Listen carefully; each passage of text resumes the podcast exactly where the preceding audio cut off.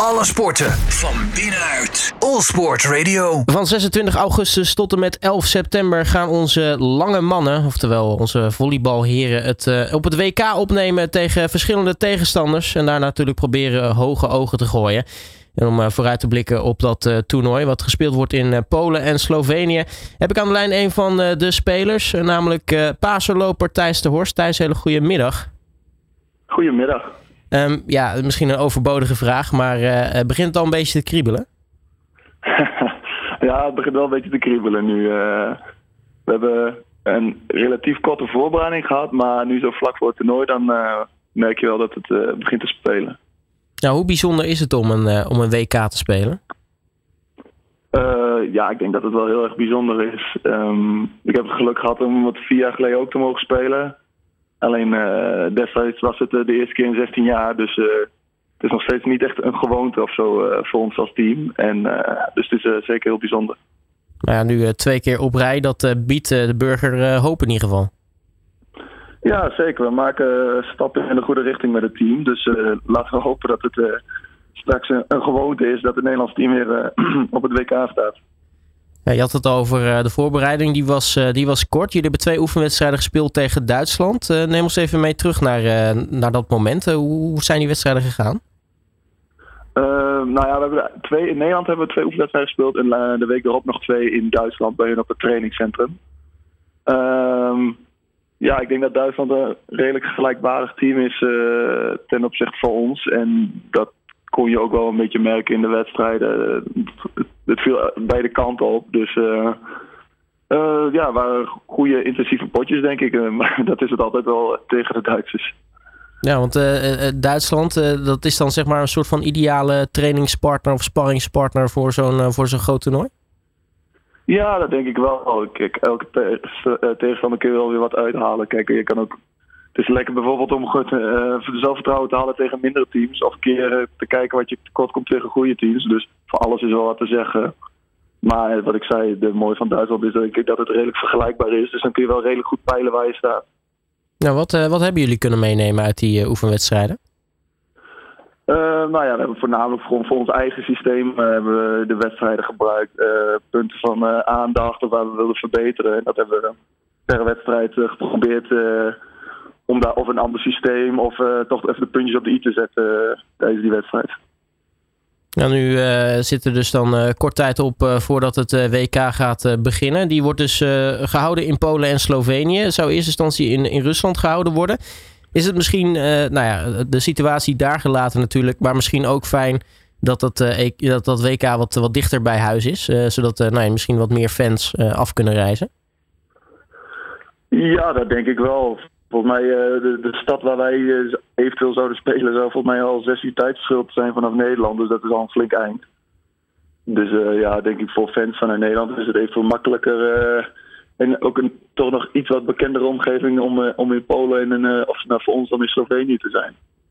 Ja, want jullie spelen de, de poolwedstrijd in ieder geval in Ljubljana, de, de, hoofdstad van Slovenië. drie poolwedstrijden in de eerste pool, in pool F, tegen Egypte, Argentinië en Iran. Wat, wat zijn dat voor mhm. tegenstanders?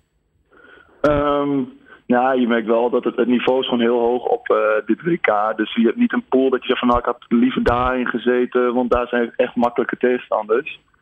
Um, ik denk dat de eerste wedstrijd voor ons tegen Egypte moeten we er gelijk staan. Want ja, die moet je winnen om, om een goede kans te houden om door te gaan, laat ik het zo zeggen.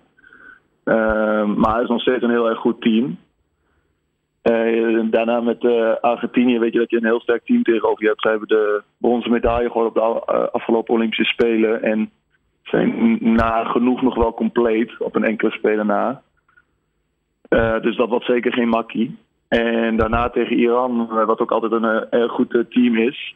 Daar hebben we wel van kunnen winnen op ons vorige toernooi deze zomer op de VNL. Maar die zijn daarna ook wel weer duidelijk doorgegroeid. Dus dat wordt een hele spannende wedstrijd, denk ik. Nou, dus uh, die, die laatste, als ik het zo hoor, dat, dat, dat kan misschien wel eens de, de do-or-die wedstrijd zijn om door te gaan. Ja, dat zou best kunnen. We hopen natuurlijk om zo goed te spelen dat het daar niet op aankomt. Maar dat, uh, ja, die kans zit er wel in. Ja, want wat zijn de verwachtingen eigenlijk voor dit, uh, voor dit WK? Want nou ja, poolfase overleven lijkt me sowieso stap 1. Ja, nou dat is denk ik een, eerste, een mooi eerste doel om te, te halen. Lastig is nu wel natuurlijk met dit WK. Ze hebben iets de opzet veranderd. Eerder, vorige keer dat waren we echt met een pool van zes. En nu, doordat je kleinere pools hebt, is het ook wel moeilijker om te zeggen van tegen wie je zal kruisen. Dus uh, ja, het eerste doel is om natuurlijk de pool door te komen. En ja, dan is het ook maar net uh, aan wie word je gelinkt en hoe goed is die tegenstander. Dus ja, dat is van moeilijk in te schatten. Maar de pool doorkomen is een eerste doel, laten we het zo zeggen. Want voor de mensen thuis, hoe ziet dat toernooi er eigenlijk uit na de groepsfase? Ja, daarna is het gelijk een uh, knockout systeem. Dus uh, je, je, kruist een land en ook op basis van hoe goed je in je eigen pool bent geëindigd. En ja, dan is het gewoon per wedstrijd op zich of je doorgaat of dat je eruit ligt. Ja, nu ja, hoop jij natuurlijk zelf ook, denk ik, op een, op een mooi, mooi WK. Wat, wat hoop je zelf nou persoonlijk uit het toernooi te halen? Ehm, nou ja, ik denk mijn herinneringen aan het vorige WK zijn denk ik de, als team, maar denk ik ook persoonlijk de mooiste herinneringen, die ik heb in uh, mijn carrière bij het Nederlands team. En uh, dat kwam mede door de overwinningen op landen zoals Brazilië en Frankrijk. Ja, dat zijn wel de wedstrijden waar ik voor doe. Om tegen dat soort landen te kunnen stunten of om een keer te laten zien hoe goed we daadwerkelijk zijn. En uh, ja, dan kun, je wel een keer, dan kun je gaan spreken van een geslaagd toernooi. Dus ja, we hopen weer met dat soort resultaten te kunnen komen.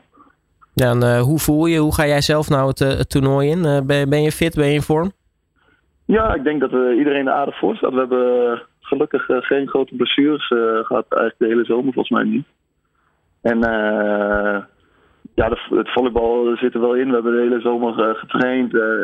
relatief weinig vakantie. Maar daardoor zit het volleybalspel is, zit er nog steeds goed in. En kunnen we steeds meer op details gaan trainen.